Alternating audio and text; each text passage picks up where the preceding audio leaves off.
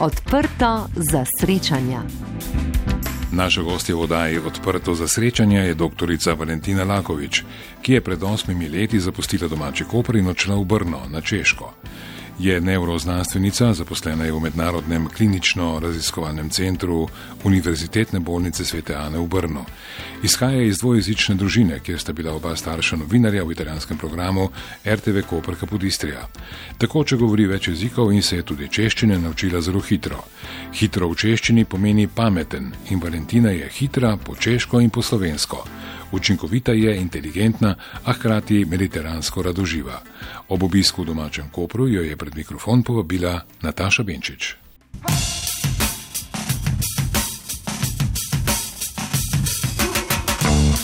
Pozdravljeni vsi, ki ste z nami. Morda je nekoč za prav tem mikrofonom v studiu Radia Koper v srednješolskih letih sedela tudi naša gostja. Koperčanka, dr. Valentina Lakovič, ki je kot srednješolka z italijanske gimnazije Gian Rinaldo Carli v Kopru sooblikovala mladinski program Radia Koper. Na te čase ima lepe spomine, tudi zato, ker v njeni družini novinarstvo teče po žilah obema staršema. Mami Devani, nekdani dolgoletni urednik, urednici in novinarki v italijanskem programu Radia Koper in očetu Džaniju, nekdanjemu uredniku in prepoznavnemu novinarskemu obrazu televizijskega dnevnika v italijanskem programu Koperske televizije. Valentina že sedem let živi v Brnu na Češkem, neuroznanstvenica je, zaposlena v mednarodnem klinično-raziskovalnem centru Univerzitetne bolnice Svete Ane. Ujela sem jo ob njenem obisku pri starših v domačem Kopru in seveda povabila na klepet. Ker se poznava že vse življenje, staršema pa smo bili seveda dolga leta tudi sodelavci, bova Valentina imeli tale pogovor, tako sva se odločili na ti, kaj ti veliko bolj naravno in iskreno bo, kaj praviš. Tako je, absolutno se strinjam. Dobrodošla pri nas. Hvala. COVID je Valentina tvoje obiske v domačem Kopru močno zredčil saj si vrsto let te kilometre, ki jih ni tako malo, prevozila bolj pogosto kot v zadnjih dveh letih. Kaj? Ja, tako je. Približno vsaj enkrat na mesec uh, v preteklih letih, uh, vsaj en vikend na mesec um, je ponavadi uspel, medtem ko v zadnjih dveh letih praktično trikrat. V dveh letih, kar je res, res, res, res malo. Pa vendar, vedno je lepo priti domov, vedno je lepo zavohati domače okolje. In tudi tokrat ni drugače. Še vedno prideš domov, rečeš, grem domov, čeprav je zdaj seveda Češka že zelo dolgo tvoj dom? Ja, jaz um, imam veliko domov. v smislu, grem da domov. grem domov je pač tudi, ko grem na sever, se pravi nazaj na Češko, grem domov in seveda, ko pridem v Koper, grem tudi domov. Tako da načeloma tam, kjer so uh, tisti, ki jih imam najraje, tam je doma. No. In uh, sedaj je to tako v Kopru, kot tudi na Češkem. Valentina, v nekaj prvih stavkih sem o tebi povedala le tiste najbolj osnovne podatke. Tudi o tem, kje si zaposlena, pa vendar se to zdaj spreminja. Ta trenutek si v svojem laboratoriju nekako polovično prisotna, z eno nogo pa skoraj da že v novi službi, še vedno je v Brnu in ni prav daleč, geografsko daleč od tvoje sedanje službe. Povej nam, kam greš in zakaj. Tako je. Um, pravzaprav je to zabavno, ker sem dobesedno 150 metrov stran od uh, laboratorija. Tako da v bistvu včasih skačem uh, med enim laboratorijem in drugim laboratorijem. Uh, ja, uh, to je v bistvu um, laboratorij. Um, Centra Sejtek, ki je del Masarikove univerze. Sejtek je Central European Institute of Technology, se pravi Srednjeevropski institut tehnologije in je kot raziskovalni inštitut približno toliko star kot ICRC, kjer sem bila zdaj, kjer sem sedem let, konec, ja, konec decembra bo sedem let.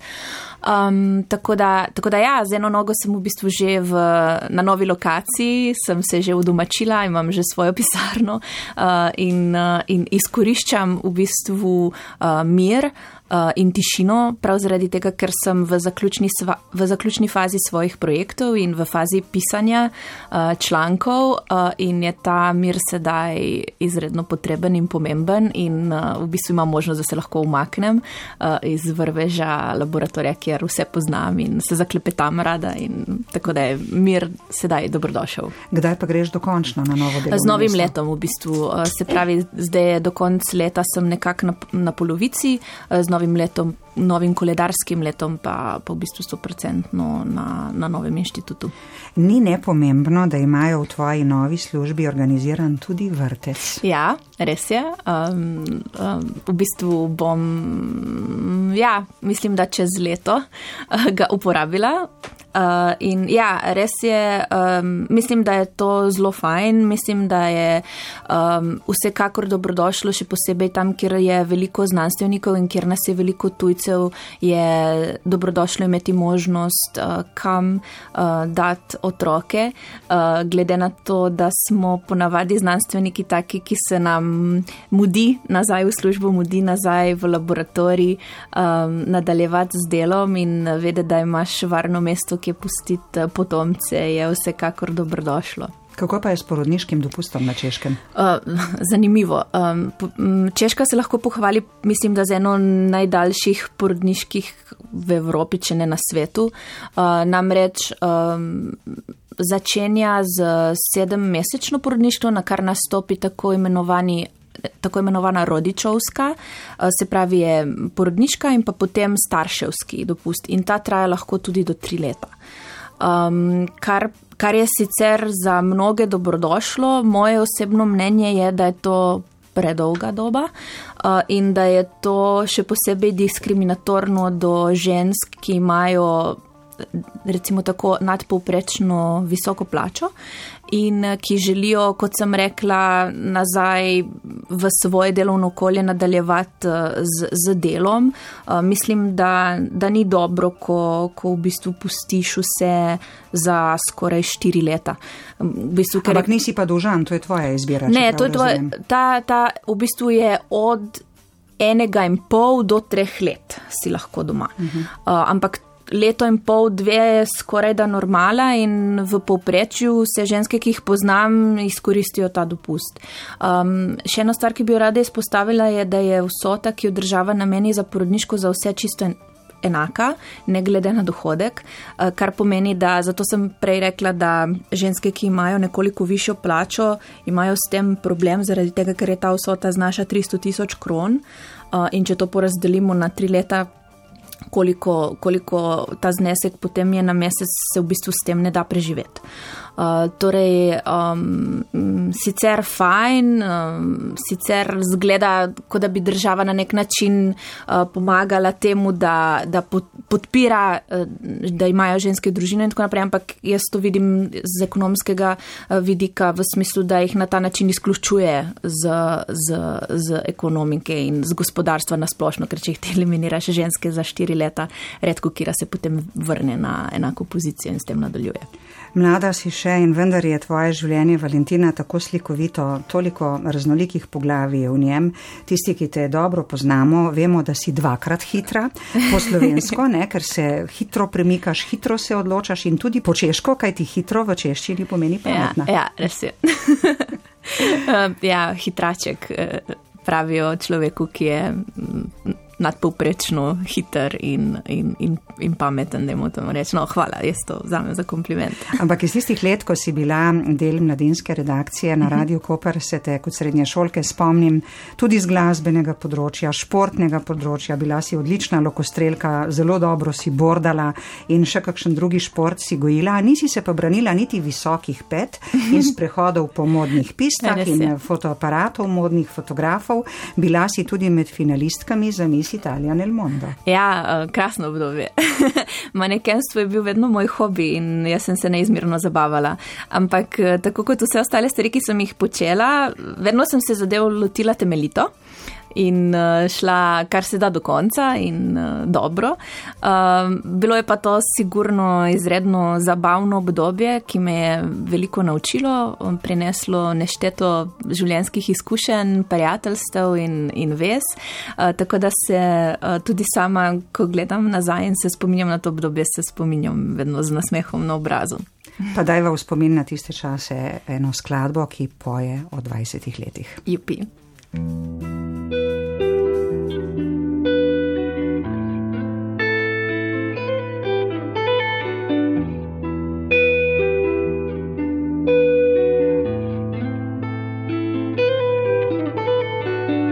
ho vent'anni, perciò non ti stupire se dal niente faccio drammi. Ho paura di lasciare al mondo soltanto denaro, che il mio nome scompaia tra quelli di tutti gli altri. Ma ho solo vent'anni e già chiedo perdono per gli sbagli che ho commesso. Ma la strada è più dura quando stai puntando al cielo. Quindi scegli le cose che sono davvero importanti. Scegli amore o diamanti demoni o santi.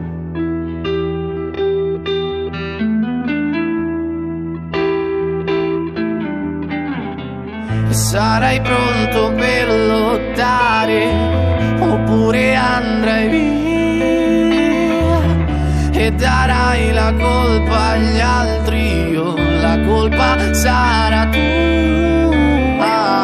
Correrai diretto al sole oppure verso il buio. Sarai pronto per lottare, per cercare sempre la libertà e andare un passo più avanti, essere sempre vero, spiegare cos'è il colore a chi vede bianco e nero, andare un passo più avanti, essere sempre vero e prometti domani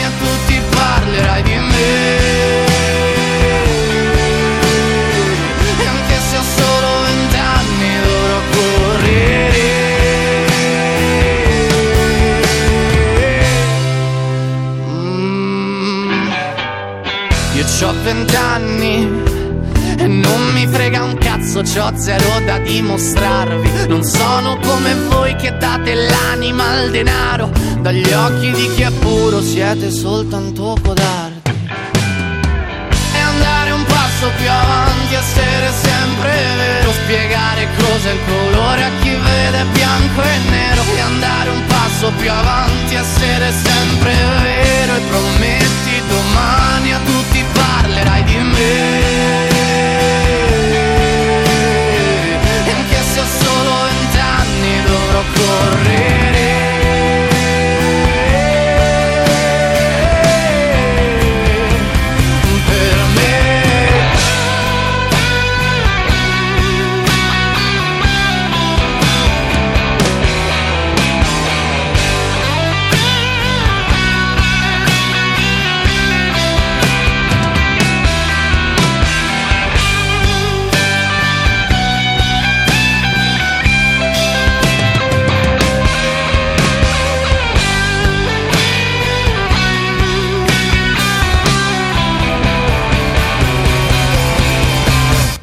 Vent'anni, ti sto scrivendo adesso prima che sia troppo tardi e farà male il dubbio di non essere nessuno. Sarai qualcuno se resterai diverso dagli altri. Ma c'hai solo vent'anni. Tako smo slišali tole skladbo, še eno, oziroma prvo po tvojem izboru. Nadaljujeva s pogovorom. Naša gostja je dr. Valentina Lakovič, koprčanka, ki si je ustvarila življenje na Češkem. Vse življenje se poznava, zato se pogovarjava na ti. Valentina, vedno te je zanimalo veliko stvari, povsod te je bilo veliko in tudi dejavna si bila na mnogih področjih. Kako se je zgodilo, da si te svoje številne interese in radovednosti na neki točki svojega življenja povezala na skupni imenovalec znanosti? Če začneva recimo najprej pri fakulteti, najprej si študirala v Trstu, kaj? Tako je. Um, v bistvu ne vem, to se je kar zgodilo. Uh, znanost, no tako bom rekla. Uh, fascinirala me je medicina, fasciniralo me je človeško telo in uh, v bistvu uh, radovednost. No, vedno sem bila radovedna, spomnim se, kako mi je bila podarjena knjiga o človeškem telesu, ko sem bila stara, ne vem, 4-5 let, taka slikanica. In spomnim se, da je imel oče imel um, atlas človeškega telesa in mene je strašno zabavalo štet kosti, uh, v bistvu. Um, mišice, uh, žilčni sistem me sploh zanimal.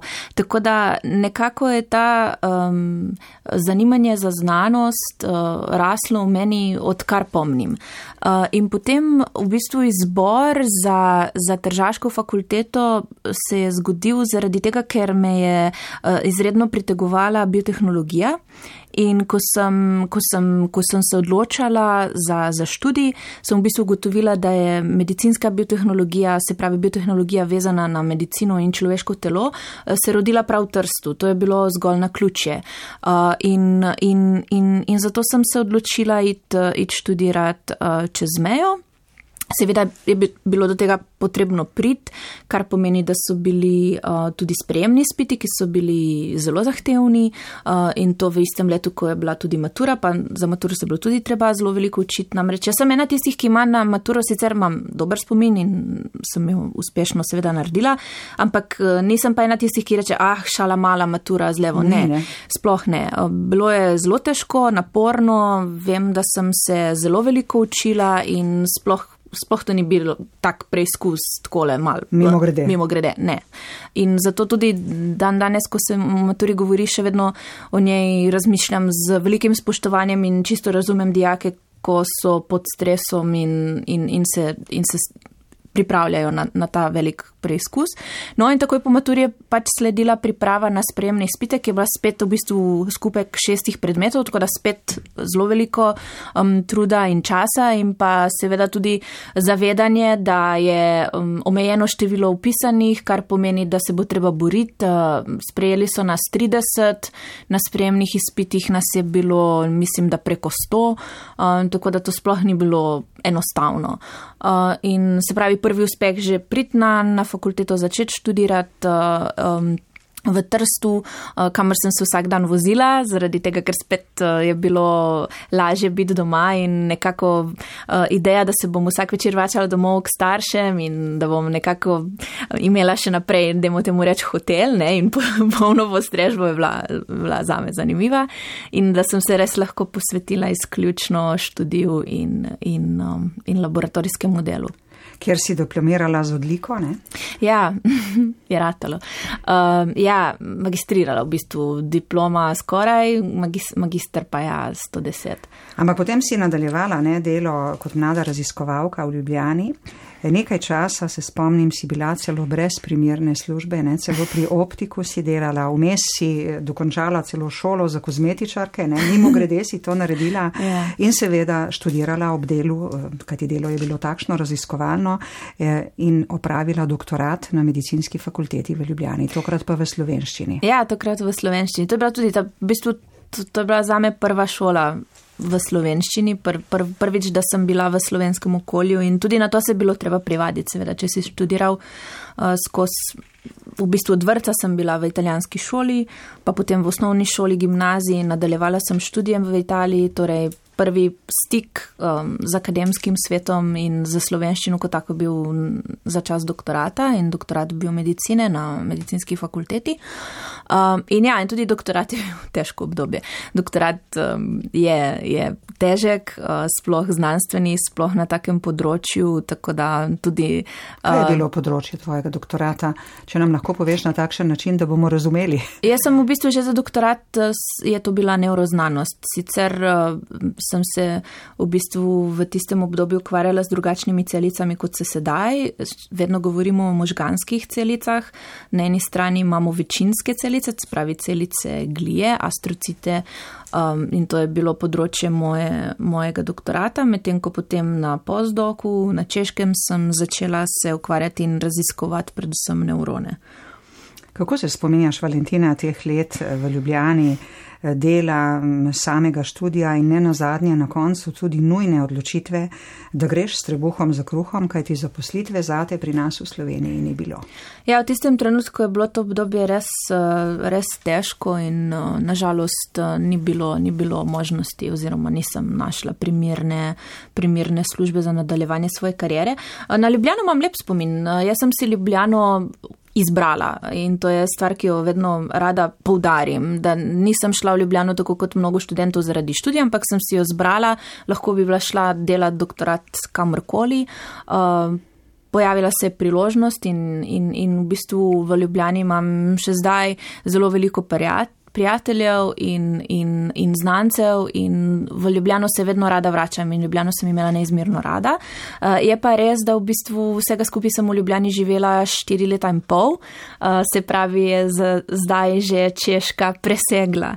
Uh, v tem smislu Brno je, je bolj domač za me že kot, kot Ljubljana in ga imam neizmerno rada in prav zaradi, verjetno zaradi podobnosti tako arhitekture, velikosti uh, in, pa, in pa uh, postavitve, je nekako od samega začetka me Brno nekoliko spominjal na Ljubljano, zato sem se tam vedno dobro zelo dobro počutila in, in, in ni bil ta preskok med Slovenijo in Češko Prehod, tako ne. zelo težek. Ja. Nekoč si mi pripovedovala o tem, da znanost zahteva mobilnost, da ste kot nekakšna karavana, ki od projekta do projekta ne, vsakih nekaj let potuje po svetu.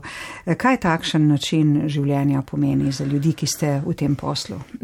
To je zelo težko vprašanje in nažalost eh, je to dejstvo, ki, ki še vedno drži. Eh, znanost zahteva, zahteva mobilnost, eh, znanost v bistvu ni samo delo, je način življenja um, in, in nikoli ne nehaš, nikoli se ne ustaviš, vedno te spremlja, um, nikoli ne, vedno melje, glava vedno melje, vedno razmišljaš o tem, kaj bi, kaj bi lahko naredil, kakšen poskus drugače ali pa kako bi lahko zastavil eh, delo drugače, rezultat obrnil, tako da bo um, bolj se upadal z zastavljeno hipotezo.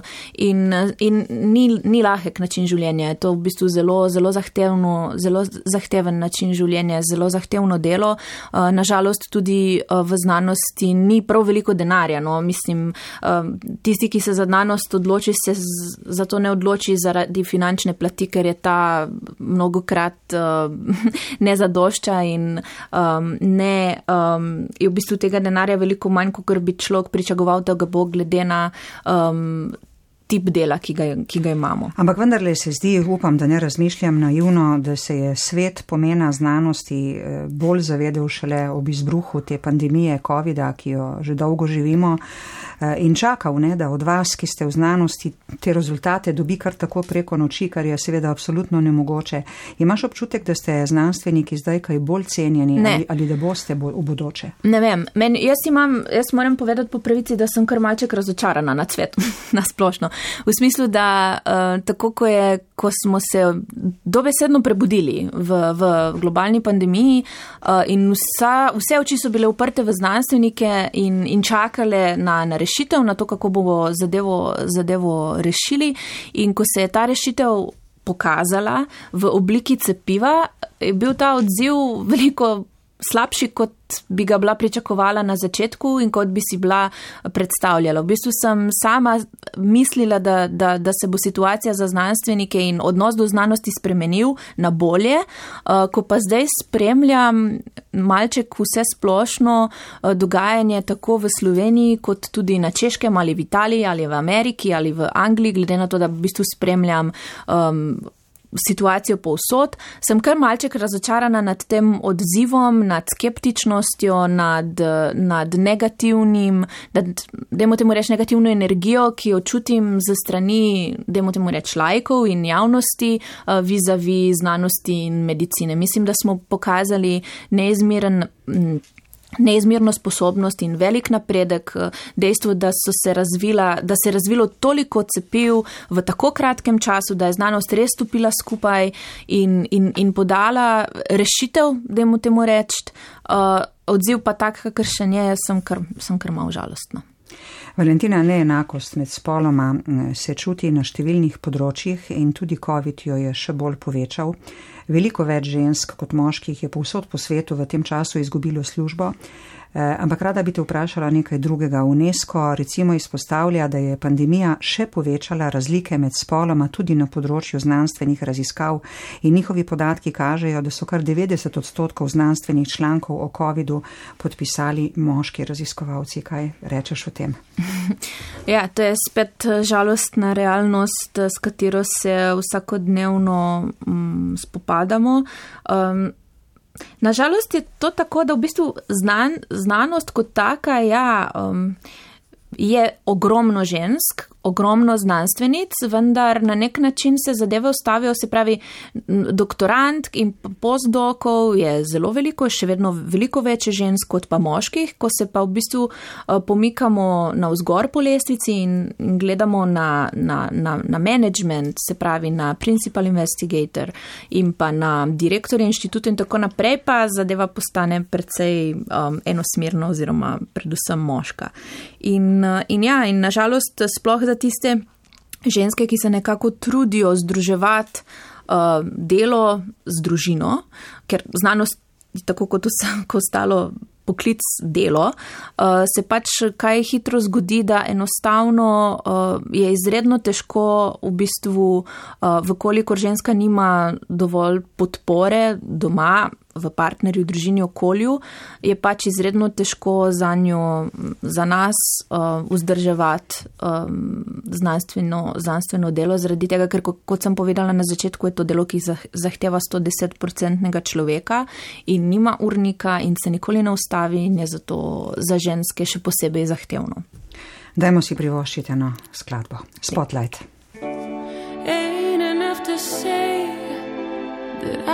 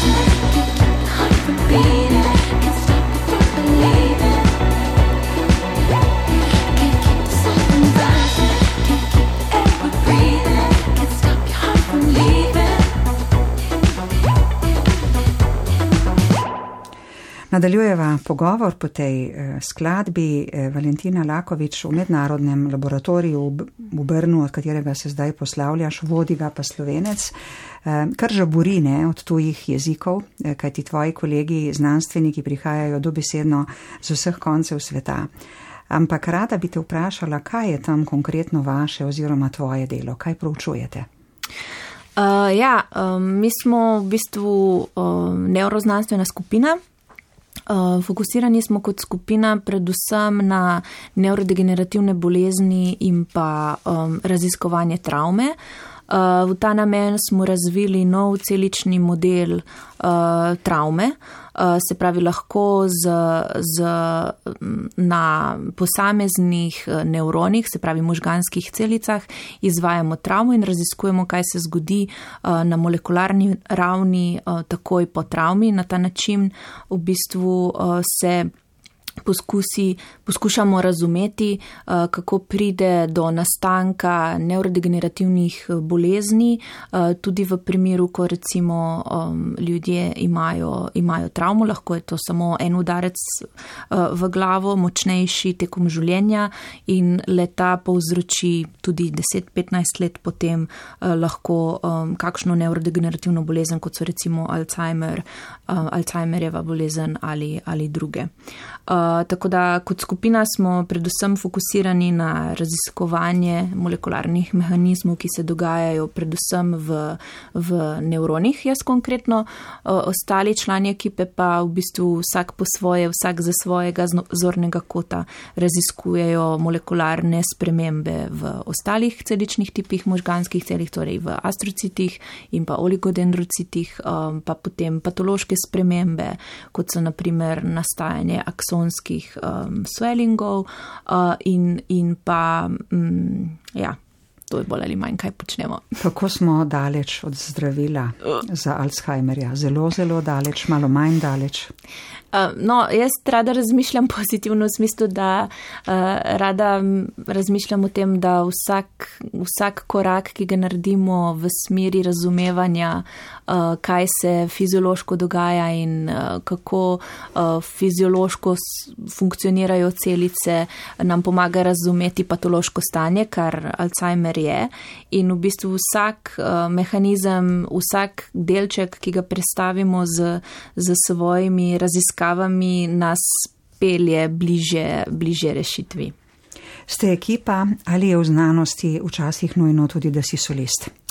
Ne, jaz bi rekla, da smo ekipa in da je v bistvu v znanosti izredno pomemben, da si ekipa.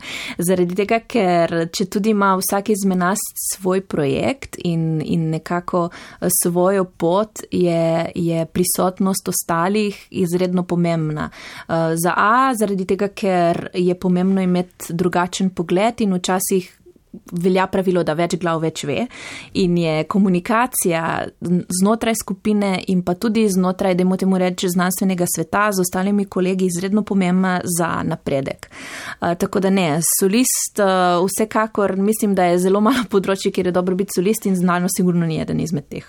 Zdaj se seliš iz tega laboratorija, res da samo 150 metrov stran, kot si povedala, ampak vendarle v drugo službo. Tu si preživela prvih sedem let na Češkem.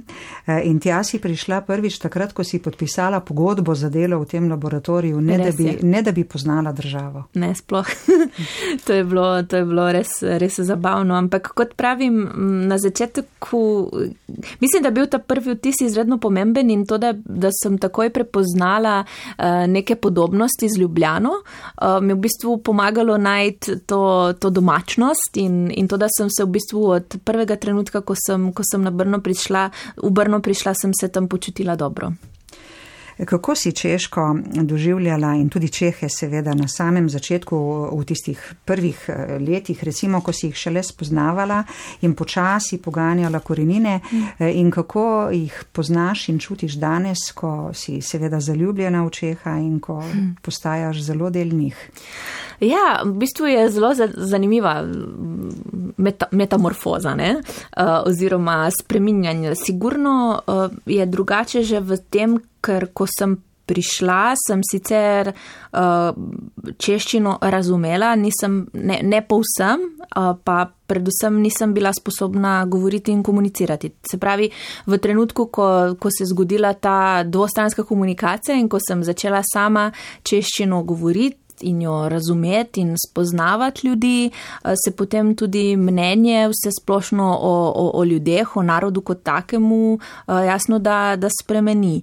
Um, mislim, da imam srečo, da sem sposobna prilagajanja, tako da v bistvu velikih težav z, z prilagajanjem sama nisem imela. Uh, je pa tudi res, da, da smo nekoliko bolj na severu, tako da je tudi najti uh, družbo prijatelje s plest prijateljske vezi je izredno težko in v bistvu uh, zahteva kar veliko, kar dolgo, preden te čehi spustijo v svoj svet, spustijo v svoj dom. Tako da ta, dajmo temu reči, zadržanost, zadržanost severnjaška, dajmo temu reči, bolj sigurno prisotna kot recimo tukaj in kot smo navajeni mi ljudje z juga.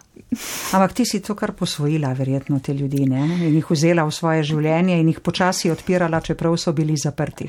Ja, nedvomno. V bistvu, za A sem imela srečo zaradi tega, ker sem spoznala nekaj takih, ki so potem ostali z mano in so sedaj seveda moji zelo dobri prijatelji in, in, in, in gojimo naprej ta prijateljstva. Je pa tudi dejstvo to, da čeprav sem v mednarodnem okolju delovnem, je tudi v našem laboratoriju veliko čehov in že to, da jih imaš imaš v bistvu v svojem okolju, se z njimi pogovarjaš, pomaga k temu, da jih, da jih spoznaš in, in potem tudi vzljubiš. Kaj je recimo tisto, kar Čehe in Slovence najbolj loči? Puh težko vprašanje, kaj nas najbolj loči. Ne vem, kar se tiče pritoževanja, smo si izredno podobni. to, da tudi oni bojijo prepiha. Eh, ja, grozno. Prepiha in zato imajo dvojna, dvojna vrata vhodna in uh, boh ne da, da bi bil prepih. Pa tudi uh, za me mogoče bolj kot razlike so podobnosti, zaradi tega, ker mogoče tudi to, to spet moj način, jaz sem bolj optimist, bolj pozitivna, najdem stvari, ki nas vežejo in združujejo združujejo bolj kot eh, razlike same. Uh, in, in, in mogoče zaradi tega izpostavlja raje, raje te ljubezen do gora um, bi rekla, da, da nas združuje um, in, pa, in pa ljubezen do narave in gibanja, aktivno, aktivno življenje, veliko gibanja. Uh, Čehi izredno radi potujejo, prav tako kot slovenci. Um, mogoče um, bom malček kritična do slovencev. Mislim, da so Čehi vse splošno uh, imajo veliko raje literaturo in, in pa so um, veliko bolj kulturno podkovani. V smislu, da me je zelo presenetilo to, da je toliko mladih uh, redno hodi na gledališke predstave, v kino in, in bi mogoče izpostavila to splošno, um, splošno razgledanost je mogoče v, v Čehih uh, bolj prisotna kot pa pri Slovencih. Lepo si nam to povedala. Eh, čas COVID-a Valentina je pretresel cel svet, ne? pretresel je tudi stroko. Zelo različno smo se soočali s pandemijo, morda znotraj Evrope celo premalo povezano, kar si mi nekoč tudi že povedala. Pa vendar, kaj smo se naučili, eh, tako stroka kot mi, ljudje? Kako naprej? Um, Joj, ne vem. V smislu, da upam, da smo se naučili tega, da je pomembno komu verjeti, pomembno je upoštevati stroko, pomembno je slediti stroki bolj kot politiki. Uh, in pa upam, da smo se naučili pomembnosti znanosti. Upam, da vseeno, čeprav sem bila nekaj minut nazaj kritična in, in žalostna, ampak dajmo zaključiti v, na nekakšni pozitivni noti v smislu, da dajmo se zavedati, da ko stopimo skupaj, uh, s, je vse skupaj veliko lažje in da je znanost tukaj zato, da nas podpira in da nam pomaga in da nam um, polepša življenje. O teorijah zarote si mi nekoč zelo jasno in jedrnato odgovorila, da jih ignoranca proizvaja, politika pa se jih poslužuje. Ampak vendarle tudi odnos do cepljenja nas je zelo močno razcepil. Razcepil, ja, grozno. V bistvu. Ja, to je taka izredno boleča, boleča točka in boleča tema za me, zaradi tega, ker se, se mi zdi, da se konstantno borim in konstantno prepričujem, ampak po drugi strani se pa tudi ne naveličam o tem govoriti, zaradi tega, ker mislim, da je toliko, toliko dezinformacije prisotne in toliko um, neumnosti slišim okoli sebe, da si v bistvu rada vzamem čas in sploh za tiste, ki jih spoštujem in ki jih imam rada in ki vidim, da so jasno jasno v zmoti in da je ta zmot, zmota proizvod zmede in nevednosti rada razložim, zakaj je cepljenje tako zelo pomembno, zakaj je to edina rešitev ven iz, tega, iz, tega, iz te situacije in, in, in zakaj je, če se le da in če le ni resnih zdravniških razlogov, uh, pomembno in potrebno cepiti. Valentina, zdaj se vračaš eh, v Koper domov bolj redko in seveda imaš tudi eh, drugačen pogled mogoče na nas, slovence, ker nas opazuješ oddaleč. Eh, kaj se ti zdi, kakšni primerki smo zdaj, ko nas gledaš z malo čustvene in tudi seveda geografske oddaljenosti? Joj. Kaj opažaš? Ne, ne vem, um, jaz sem tako strašno kritična, um, ma do vseh, ne samo do slovencev, ampak kot pravim, malo sem razočarana nad tem, nad tem nad, nad reakcijo vse splošno do, do, do, do situacije, v kateri smo in, in, in vse te skeptičnosti, ne vem, odkot izhaja. Uh, vesela sem uporništva, da, da ne bo pomote, upor, uporništvo in pa nesoglasje z avtoriteto podpiram in absolutno, vedno se je treba postaviti in potrebno je postavljati vprašanja, ampak pomembno je tudi razumeti, kakšna vprašanja postavljamo in iz kakšne perspektive. Če iz perspektive laika postavljamo pod vprašanje vse, kar stroka reče, pač problem ne v stroki, ampak v laiku. Um, in, in, in nažalost, to, kar vidim, me prav zelo ne veseli. Ne? Tudi v precepljenosti smo na repu uh, držav v Evropski uniji, kar sigurno ni pozitivno in kar me nažalost ne veseli. No? Uh, na češkem, čeprav je neka mira skeptičnosti nažalost prisotna povsod, s tem se soočajo tako v Ameriki, na čisto vseh kontinentih in Slovenija ni v tem nič drugačna. Uh, sem pa malček razočarana, da v Sloveniji teh teorij teorij zarot in pa skeptičnosti toliko bolj kot v drugih evropskih državah. To me pa žalosti. Bi rekla še nekaj lepega za slovo, vsem nam morda? Ostanite zdravi. to, to zdaj tudi napišemo. Včasih smo napisali lep pozdrav, Joj, ja. zdaj pa na koncu vsakega jo. maila, dopisa, SMS-a, ostanite, ostanite zdravi. Ja. ja, hvala. Res je, verjamem, da to verjameš in da si iskreno zaželela. Eh, Valentina Lakovič, eh, čakate poseben čas življenja, užiga v vsej polnosti in lepoti. Hvala za obisk v studiu, srečno pot nazaj v tvoje lepo Brno. Eh, ob odhodu iz tvojega lepega kopra. Vse dobro na vseh tvojih poteh. Naschledanov. Oh,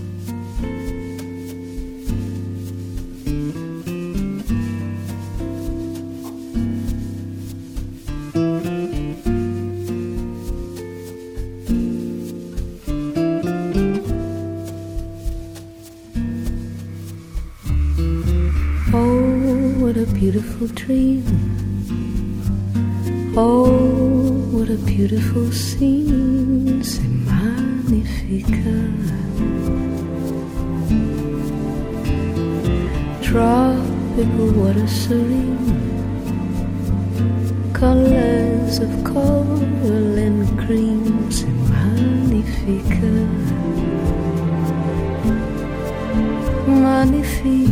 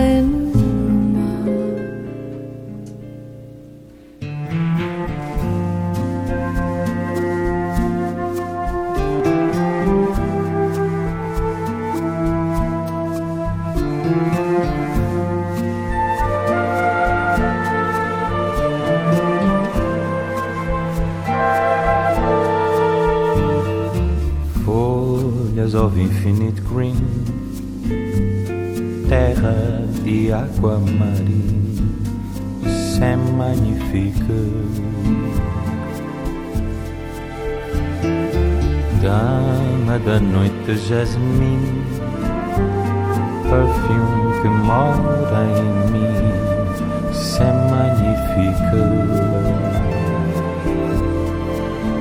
magnifique.